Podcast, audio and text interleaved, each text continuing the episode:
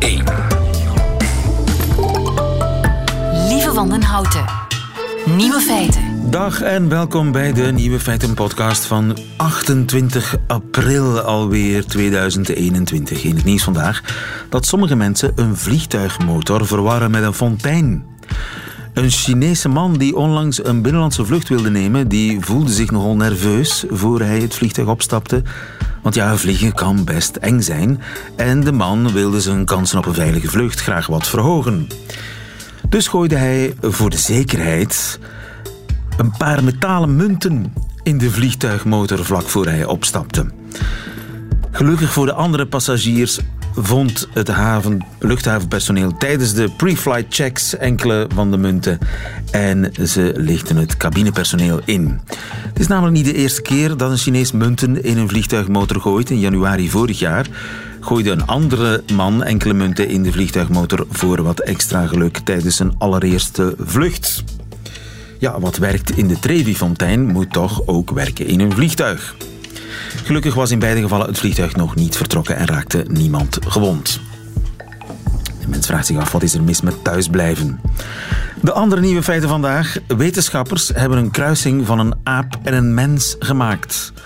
De snoekerwereld staat op stelte door een nieuwe tactiek. Franse ex-generaals dreigen met een staatsgreep in Frankrijk.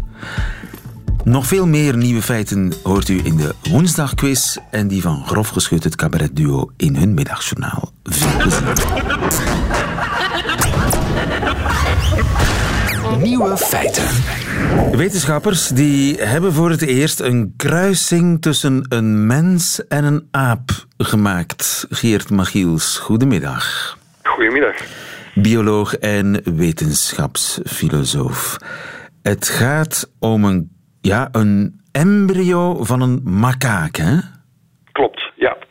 Uh, dus het, het, zeggen dat het een kruising tussen een aap en een mens is, is al... Uh, dat is journalistenklap natuurlijk. Hè? Dat is een beetje kort door Ja. de bocht. Maar ja, het is, het is ze- het toevoegen van menselijk materiaal aan dieren.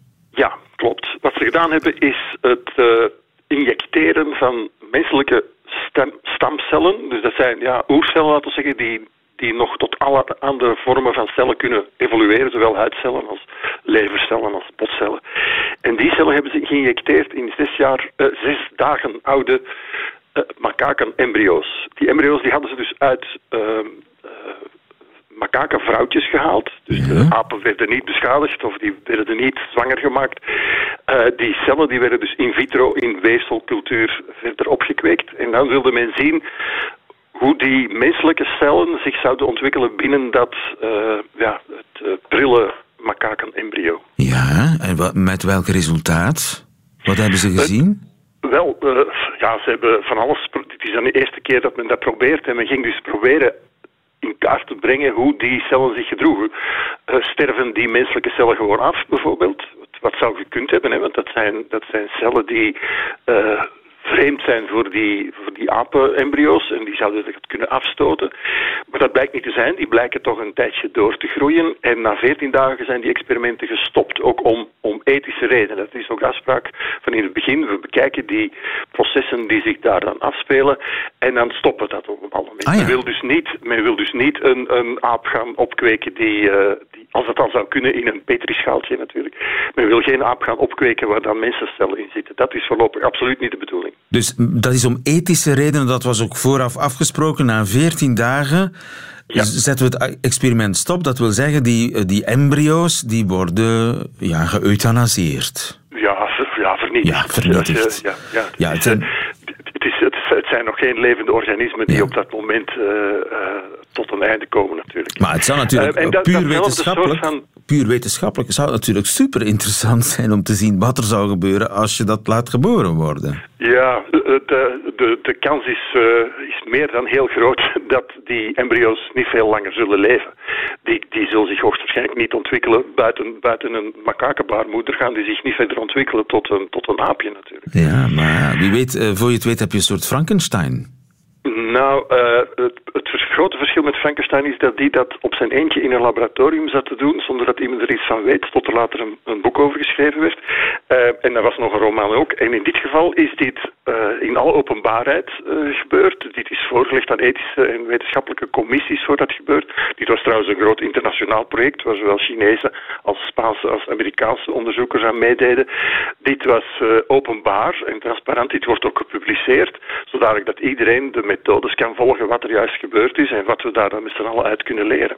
Maar is dat dan geen eerste stap naar meer? Uh, dat wordt heel dikwijls gedacht als het over dat soort dingen gaat. Uh, uh, alles wat wij doen is een eerste stap naar meer natuurlijk. En, uh, het, uh, en, en, het punt is, we kunnen hier ontzettend veel van leren. En de reden waarom men dit experiment heeft opgezet, dat is niet zomaar om een beetje te zitten experimenteren met, met cellen. Men wilde uitzoeken, of men is bezig om uit te zoeken, hoe kunnen we bijvoorbeeld organen groeien voor menselijke donatie. Uh, er, er, wachten honderdduizenden mensen op organen. En de meeste daarvan sterven voor ze een orgaan van een donor kunnen krijgen. Dus zou het mogelijk zijn om organen te kweken die we dan zonder problemen kunnen transplanteren naar mensen. En men probeert dat al bij muizen en bij, bij, bij varkens bijvoorbeeld. Maar dat zijn allemaal dieren die ver afstaan van de mens. En dus ook de kans op afstoting is dan erg groot. En daarom wilde men als een soort van uitzoeker van principiële werkingsmechanismes op moleculair en cellulair niveau, dit gaan uitzoeken met apencellen. Ah ja, maar dus zou het dan, zou het droombeeld dan zijn, of het uiteindelijke doel dan kunnen zijn, laten we een nieuwe nier kweken in een aap? Dat, is het, het utopische idee dat daar heel ver in de toekomst misschien gloort. Ja. Maar zover zijn we nog, uh, maar nog lang niet. de dierenbeschermers dan niet op de achterste poten staan? Ja, maar, ja, maar je misbruikt een, een aap om een nier te kweken die je dan vervolgens oogst. Ja, dat zijn, dat zijn de, de ethische uh, bedenkingen die daar nu ook al bij zijn. Die worden ook onmiddellijk bij in het, in het wetenschappelijk artikel waar, waar het verslag van het onderzoek in staat, worden die daar ook, ook al bij vermeld. Dit wordt uitgebreid besproken in, in organisaties zoals de International Society for Stem Cell Research. Dit, is, dit, dit wordt op, op wereldwijd niveau door allerhande ethici en biologen en medici uh, van zeer nabij bekeken om te zien van ja, wat, waar zijn we hier mee bezig en, en waar kan dit toe leiden. Ja.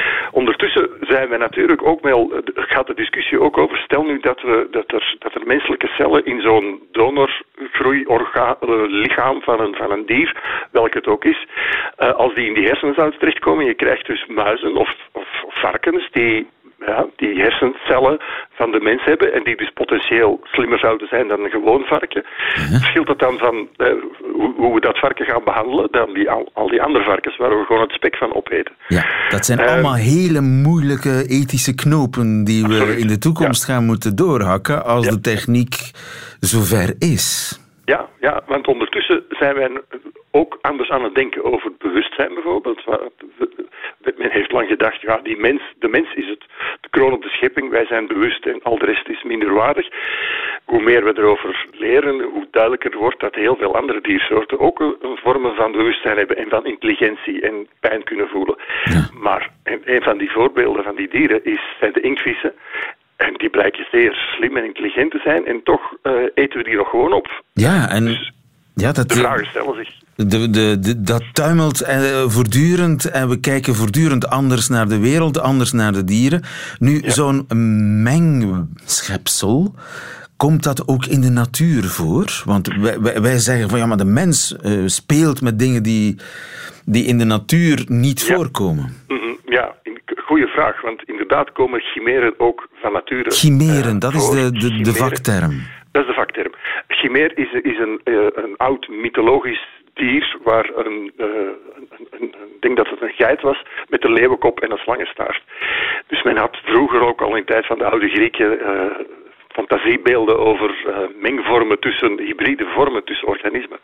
Het, het zeer interessante is dat het ook bij de mens voorkomt. Er zijn dus mensen, en ik ken de de, de, vrouw zelf niet, maar er is een Amerikaanse zangeres, Taylor Moole, en die heeft, uh, die heeft een heel stuk van haar huid, is uh, veel donkerder dan de rest. Men dacht eerst dat het een moedervlek was, maar het blijkt um, een chimere vorm te zijn van ehm, een stuk van een tweelingzus die niet geboren is geweest, maar die haar eicel heeft opgenomen en die dus in een stuk van haar huid zit. Dus zij heeft, zij heeft een mengeling van twee cellijnen in haar eigen lichaam. En dat is een heel opvallend voorbeeld. Zij is een mengvorm van twee mensen. Ja, klopt. En dat komt veel meer voor dan wij denken, alleen wordt het niet gemeten. Is maar dat is natuurlijk te vinden. binnen dezelfde soort. Hè? Het, is geen, het is niet zo dat ze een stuk van een wandelende tak heeft. Dat is binnen dezelfde soort, maar het stelt ons ook voor een aantal eh, ethische problemen. Want bijvoorbeeld, er kunnen mensen zijn die zowel in hun lichaam, eh, zowel eh, mannelijke als vrouwelijke cellen hebben omdat er dus een, een, een mannelijke, een mannelijk embryo en een vrouwelijk embryo als twee als een tweeling in de baarmoeder versmolten zijn geweest. En dus kan je mensen hebben die echt hermafrodiet zijn. En dan stelt je vraag, zijn dit mannen of zijn dit vrouwen? Dus je ziet daar ook de, het onderscheid tussen wat man en vrouw is, maar ook tussen wat een menselijke soort is en een andere soort vervagen. Dat, als, hoe, hoe, hoe nauwgezetter je daarnaar gaat kijken, hoe, hoe vager, hoe vloer die, die grenzen worden. Hoe normaler dat eigenlijk wordt. Ja, absoluut. En kijk naar onszelf. Wij zitten, eh, iedereen kent ondertussen het microbioom. Wij, wij zijn één groot hybrid ecosysteem, wat in stand wordt gehouden door een, een symbiotische samenwerking met uh, miljoenen bacteriën en schimmels en virussen die in, in, en op ons leven, zonder de welke wij niet zouden kunnen leven, zijn wij dan mensen zonder zouden wij nog dezelfde mensen zijn zonder die symbiotische relatie met die andere dieren? En waar houdt dan die grens op tussen onszelf en de rest van de wereld. De grens tussen mens en dier vervaagt. En dit is daar maar een onderdeeltje van. Dit, experiment met een, uh, een makaken-embryo. Ja, met het oog op uh, uiteindelijk een edel doel. Namelijk uh, het korter maken van de wachtlijsten voor nieuwe organen. Dat is, dat is de, de, de, verre droom. En dan merk je natuurlijk ook dat als het over dit soort dingen gaat, dat, dat er in de ethiek twee extreme dingen zijn. Uh, men, men, men gaat dit niet doen om esthetische redenen bijvoorbeeld. Maar misschien wel om levens te redden. En daartussenin ligt een hele grote, brede, grijze zone van ja, wanneer gaan we dat dan wel doen? Mocht het kunnen, hè, want dat is nog in verre toekomst mocht het kunnen. Wanneer gaan we dat dan doen? Je ziet dat nu ook, dat een aantal dingen die we doen om de mens te verbeteren, zoals een bril dragen of contactlenzen of uh, donorharten implanteren, dat we dat wel toelaten, maar dat een aantal andere dingen toch wel met uh, een, uh, een kritisch oog bekeken worden. Ja, moeilijke ethische vragen, maar voorlopig uh, spelen die zich vooral in de toekomst af. Geert Machiels, dankjewel.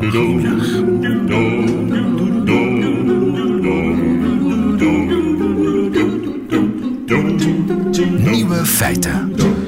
Revolutie rond de snoekertafel, de meest stoïcijnse sport ter wereld, die staat op stelten. Bart Bogaert, goedemiddag. Goedemiddag, lieve. Bart, je bent onze snoekerman hier op de redactie van uh, Radio 1.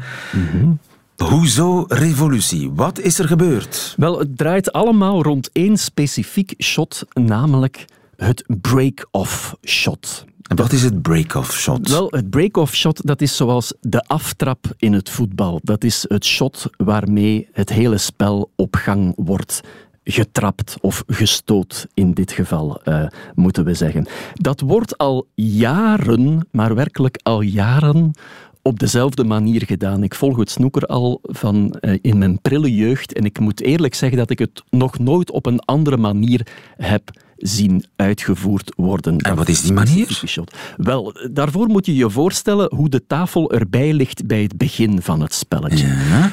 Laten we even alleen maar over de rode ballen spreken. We laten de andere kleuren even buiten beschouwing. Bij het begin van het spel liggen die 15 rode ballen netjes gerangschikt in een driehoekige cluster. Juist. Aan de ene kant van de tafel. je ziet het voor je. In de meeste snoekerclubs heb je daarvoor zelfs aan de onder, onderkant van de tafel een soort houten triangel Juist, om die balletjes om mooi, dat helemaal mooi, mooi strak uh, geometrisch te maken. Dat, ja, ik zie het voor me. Zo ziet, zo ziet een starttafel eruit. Zo ziet een starttafel eruit. En de witte bal, de bal waarmee je dus verondersteld wordt om de ballen te potten, die ligt helemaal aan de andere kant van de tafel op een lijn die evenwijdig loopt met de rand van de tafel. En de bedoeling is dus dat je met die witte bal die driehoekige cluster gaat aanspelen. Als aanspelen. Je, en dat is het eerste shot? Dat is het eerste shot. Nu, het is zeer belangrijk je voor te stellen hoe je dat doet. Als je een gewone sterveling, een sukkelaar bent, zoals ik, wat doe je dan? Dan geef je een lel op die witte bal dat zorgt er dan voor dat die rode ballen zich in een vliegensvluchttempo verspreiden over de hele tafel en dan begin je vurig te hopen dat één van die rode ballen dan per ongeluk binnenvalt in de pocket, wat in 99,9% van de gevallen niet gebeurt. Ja.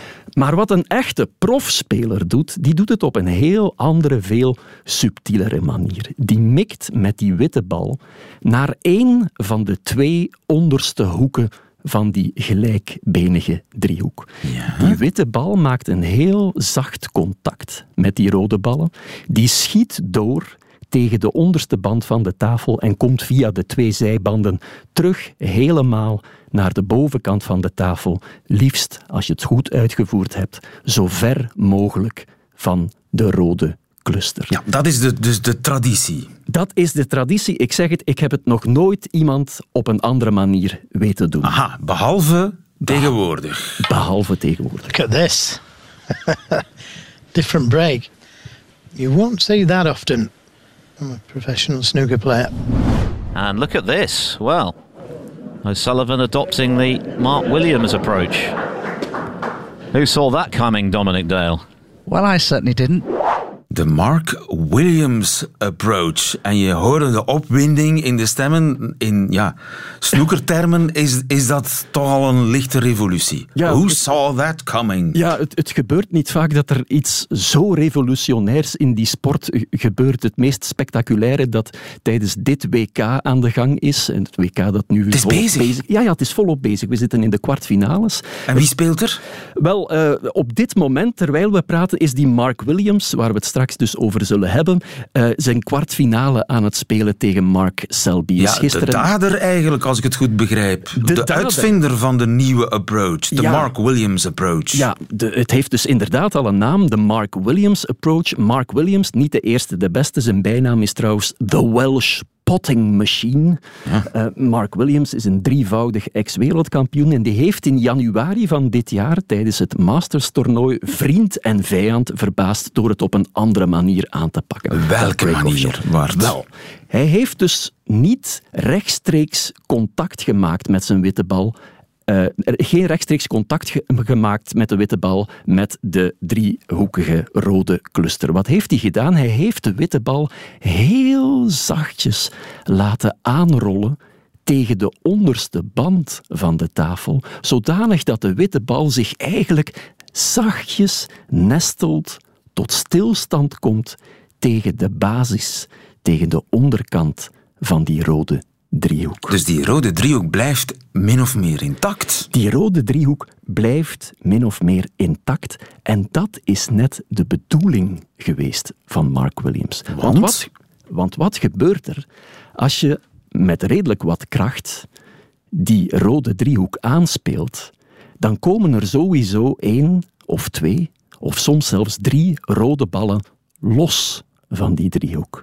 Die komen in het open veld te liggen. En daarmee geef je een kans aan je tegenstander, want dat betekent dat die rode bal vrij ligt, dat je die kan aanvallen. En als je het break-off shot net niet tot in de perfectie hebt uitgevoerd, ja, dan krijgt je tegenstander een kans om die rode bal aan te vallen. En als die rode driehoek intact blijft en bovendien ligt de witte bal er helemaal tegen, ja, dan kan je tegenstander geen kant uit.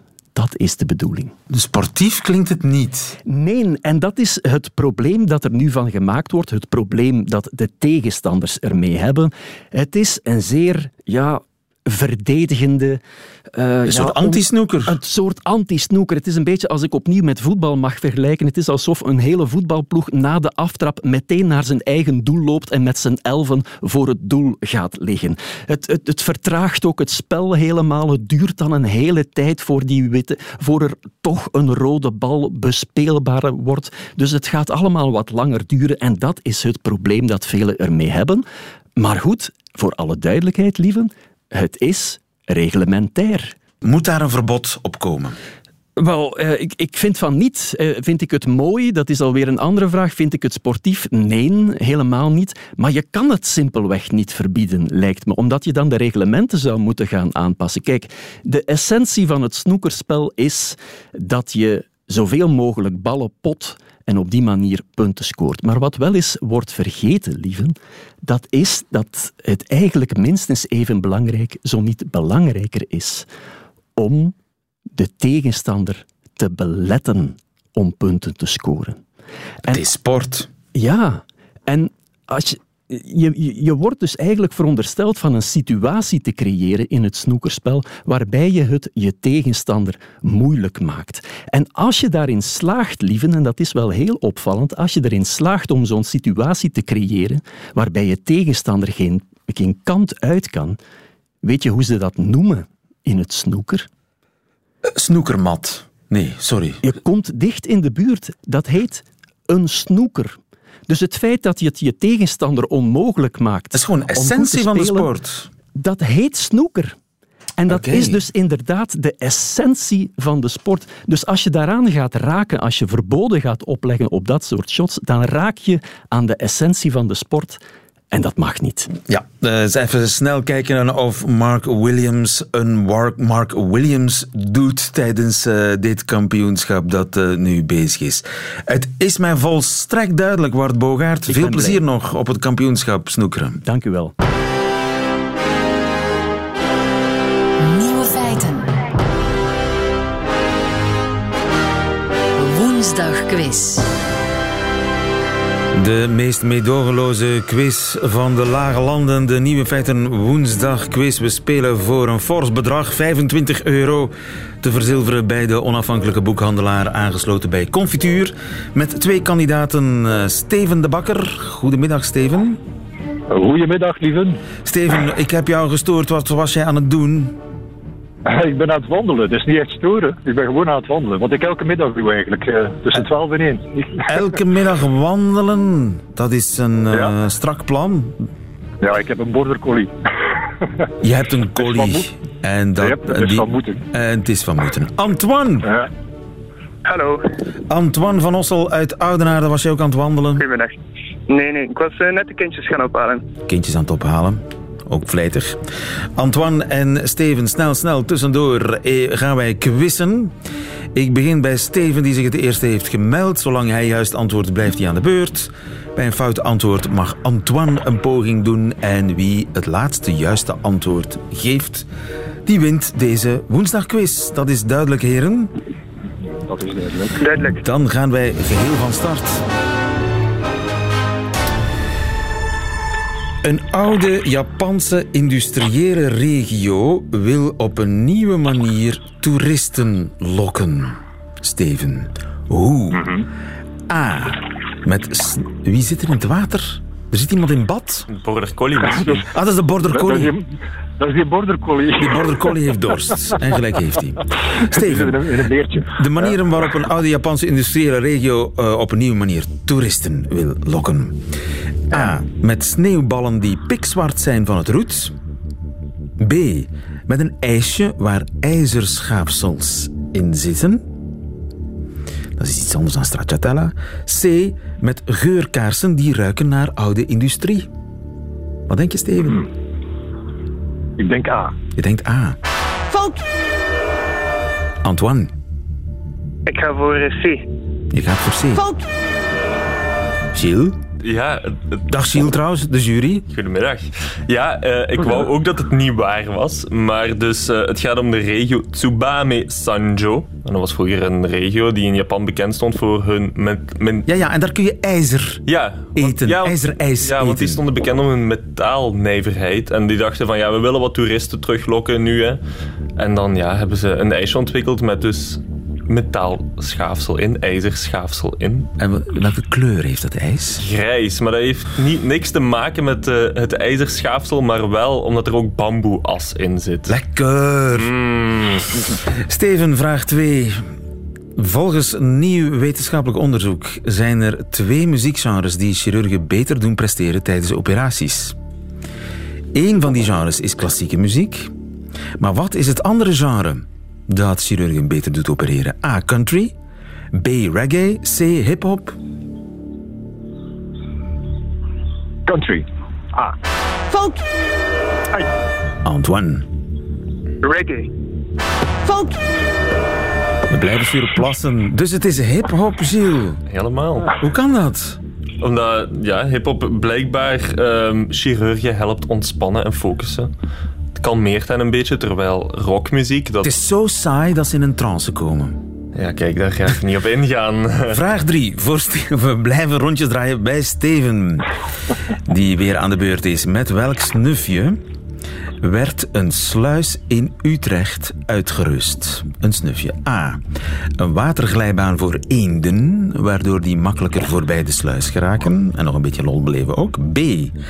Een deurbel voor vissen, zodat de poorten voor hen geopend kunnen worden. C. Een tv-scherm langs de kade, zodat schippers de tijd kunnen doden terwijl ze wachten voor ze verder mogen. Welke snuf hebben ze in Utrecht? Aan de sluis. B. B. Dat is helemaal goed. Steven, het klonk alsof je het wist. Maar ik denk dat ik het bij jullie heb gehoord. Kan dat niet? ik weet het niet. Ik heb het alleszins op Radio 1 gehoord. Zou kunnen, maar ik vergeet alles. Ik denk het niet. eigenlijk. Maar dus ja, eh, vissen kunnen bellen, Gilles? Ja, het zit eigenlijk zo dat ehm, de, er is een camera geplaatst aan de sluis. En als er een vis bij die camera komt, dan eh, kunnen buurbewoners die de livestream kunnen checken, zeggen tegen de sluiswachter van ah ja, er staat een snoek te wachten. Kunt je die alsjeblieft even doorlaten? Een echte bel is het niet, maar het komt min of meer onrechtstreeks indirect daarop neer. Steven, ik blijf bij jou. Laatste vraag. Heb je die goed, dan win je deze quiz. Een recente Amerikaanse studie vond een link tussen lidmaatschap van een bepaalde gemeenschap en specifieke lichamelijke onzekerheden. Welke link? A. Evangelische christenen voelen zich vaker onzeker over hun penislengte. Vogeltje fluit op de achtergrond daarom. Hoe respectloos. B. Amerikaanse politici zijn vaker onzeker over hun lichaamslengte. C. Wapeneigenaars zouden vaker steroïden nemen om hun spieren kunstmatig te vergroten. A, B of C? Ik ga voor C. Je gaat voor C. Fout. Is het niet? Antoine, Ik gok eh, B. je gokt B. Fout. Gilles. Evangelische christenen voelen zich vaker onzeker over hun penislengte. Ja, de onderzoekers hebben gekeken in welke staten eigenlijk de, het vaakst gegoogeld wordt naar termen als male enhancement of make penis bigger. En dat gebeurt dus vaker in staten waar er meer christenen wonen. Dat moet nog nader onderzocht worden hoe dat zit. Maar dat betekent dus dat wij een winnaar hebben, namelijk de enige die, volgens mij, één... Eén juist antwoord heeft gegeven. En dat is. Steven. Gefeliciteerd. Dank u. Ja, en in mineur terug naar huis met de collie Antoine. Maar die heeft gedronken intussen. Nee, nee, de, de collie was van Steven. Oeh, oh, De Steven. collie zit bij mij. En een collie die gedronken heeft. En een boekenbon van 25 euro. Het kan niet op. Het feest, de dag kan niet meer stuk. Zit, ik zit Gefeliciteerd. hier met kindjes die me aan het uitlachen zijn eh, in de auto. Ja, kijk. Zo zit het. Heren, dankjewel voor het spelen. En eh, wilt u ook eens meespelen? Dat kan ook online met de woensdagquiz via radio1.be. Nieuwe feiten. Als de president de gevaren die het land bedreigen niet snel te lijf gaat, zullen wij zelf samen met onze nog actieve collega's een einde maken aan de groeiende chaos. Dreigen twintig voormalige generaals in Frankrijk. On va commencer avec cette euh, tribune des anciens généraux, tribune qui fait débat décidément. qui a fait bondir la ministre des Armées, euh, notamment euh, Florence Parly, qui sonnait comme un ultimatum avec ces mots si rien n'est entrepris, le laxisme continuera à se répandre, provoquant une explosion et l'intervention de nos camarades d'active pour protéger les valeurs civilisationnelles. Ja, wij zullen eh, de Franse waarden verdedigen met onze actieve collega's, schrijven deze twintig voormalige Franse generaals, generaals van het Franse leger, in een soort van open ultimatum. En dat is toch wel schrikken. Alexander Rozen, goedemiddag. Goedemiddag. U doseert Franse literatuur aan de Universiteit van Gent, kent het land door en door. Schrikt u daar ook zo van, van dat ultimatum? Pas op, of wij, of wij plegen een staatsgreep. Ja, het is in alle, op allerlei manieren bijzonder. Het, het eerste bijzondere is al dat het Franse leger wordt gekend als La Grande Muette. Dus de traditie is dat Franse militairen zwijgen. En zo publiek om het woord nemen is uh, een donderslag. Ja, dus dat is toch verschieten. Nu, eh, kennelijk is dat voor een groep in dat Franse leger toch niet zo ondenkbaar, een staatsgreep. Ik kan me dat bijvoorbeeld in het Belgisch of het Nederlandse leger niet voorstellen. Nee, nee, maar dus ik denk ook dat uh, de, dat document is, is ambigu en ik weet niet zeker of dat al die uh, officieren hetzelfde document hebben getekend. In de zin dat je die passage die nou net nog is voorgelezen, dat je die op twee manieren kan interpreteren. Je kan het aangeven of erin lezen dat er staatsgreep mogelijk wordt. Als jullie dit niet doen, dan zijn jullie eigenlijk soort tirannen en dan is het legitiem om jullie af te zetten. Maar net zo goed zou je kunnen zeggen, um, wij vrezen dat je, als je het zo op zijn beloop laat, dat er dan een, het leger noodzakelijkerwijs zal moeten ingrijpen, of dat, dat men zal moeten beroep doen op het leger. Er wordt een beetje gezinspeeld op een, een staat. Het wordt niet echt met zoveel woorden gezegd. Dat, is, dat is één ding. Nu, blijkt toch dat die tendens in de samenleving bestaat. Een soort van uiterst conservatieve, ook in hogere kringen, tendens. Ik moet denken bijvoorbeeld aan die, die eh, meerdere betogingen destijds tegen het homohuwelijk.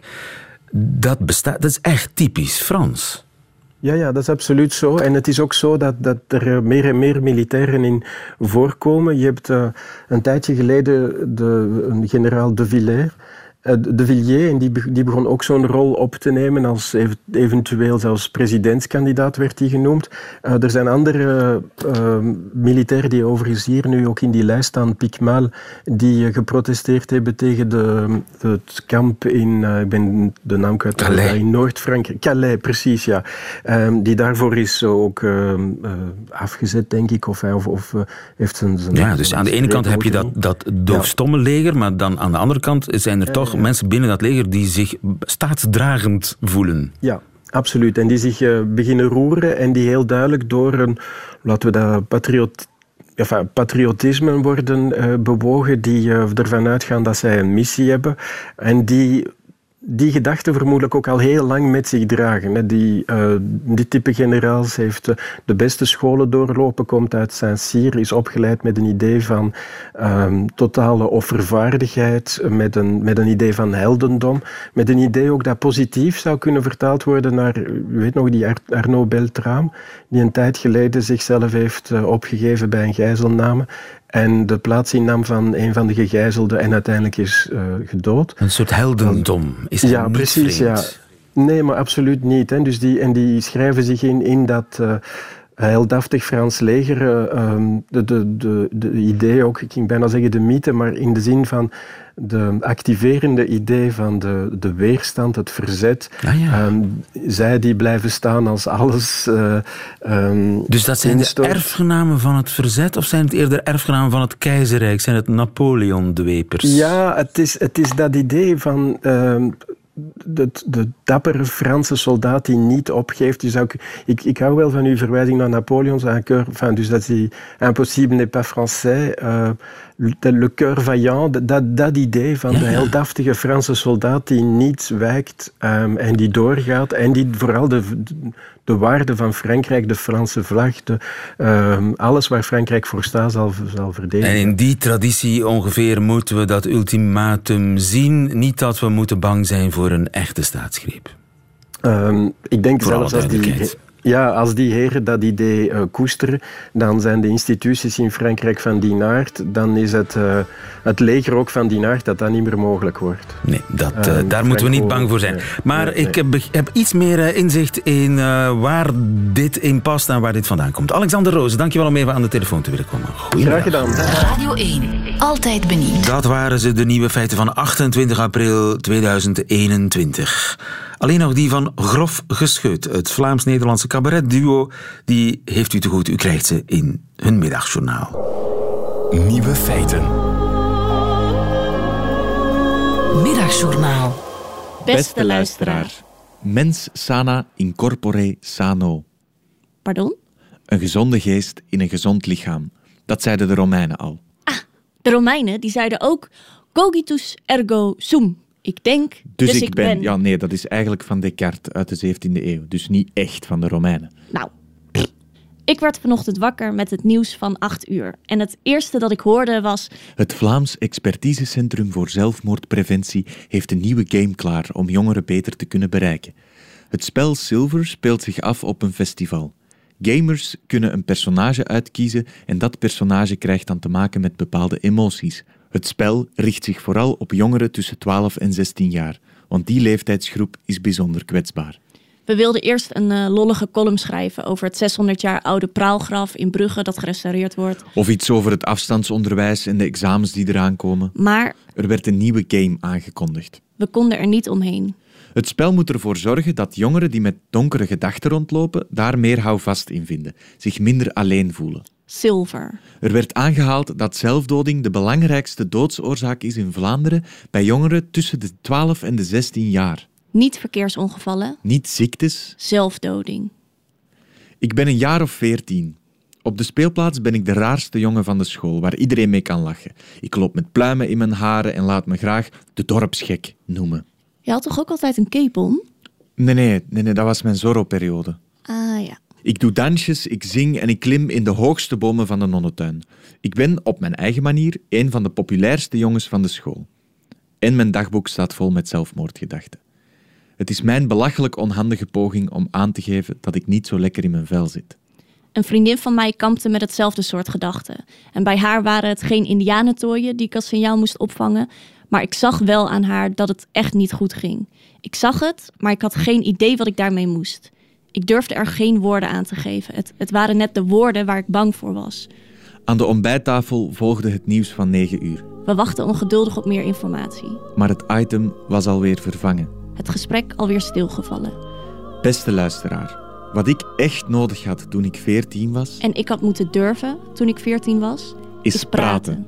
Dat het taboe niet had geheerst. Want zeker in deze tijd klopt de uitspraak van de Romeinen des te harder.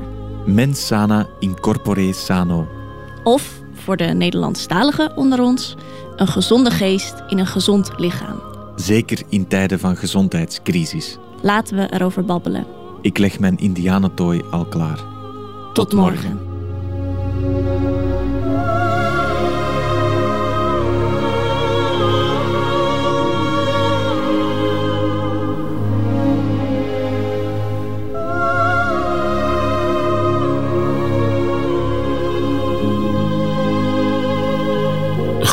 Geschud in het middagjournaal van Nieuwe Feiten. En heeft u vragen over zelfdoding, dan kunt u altijd terecht op 1813. Einde van deze podcast. Doet liever de volledige uitzending van Nieuwe Feiten? Dat kan natuurlijk via onze website of via onze app. Tot een volgende keer.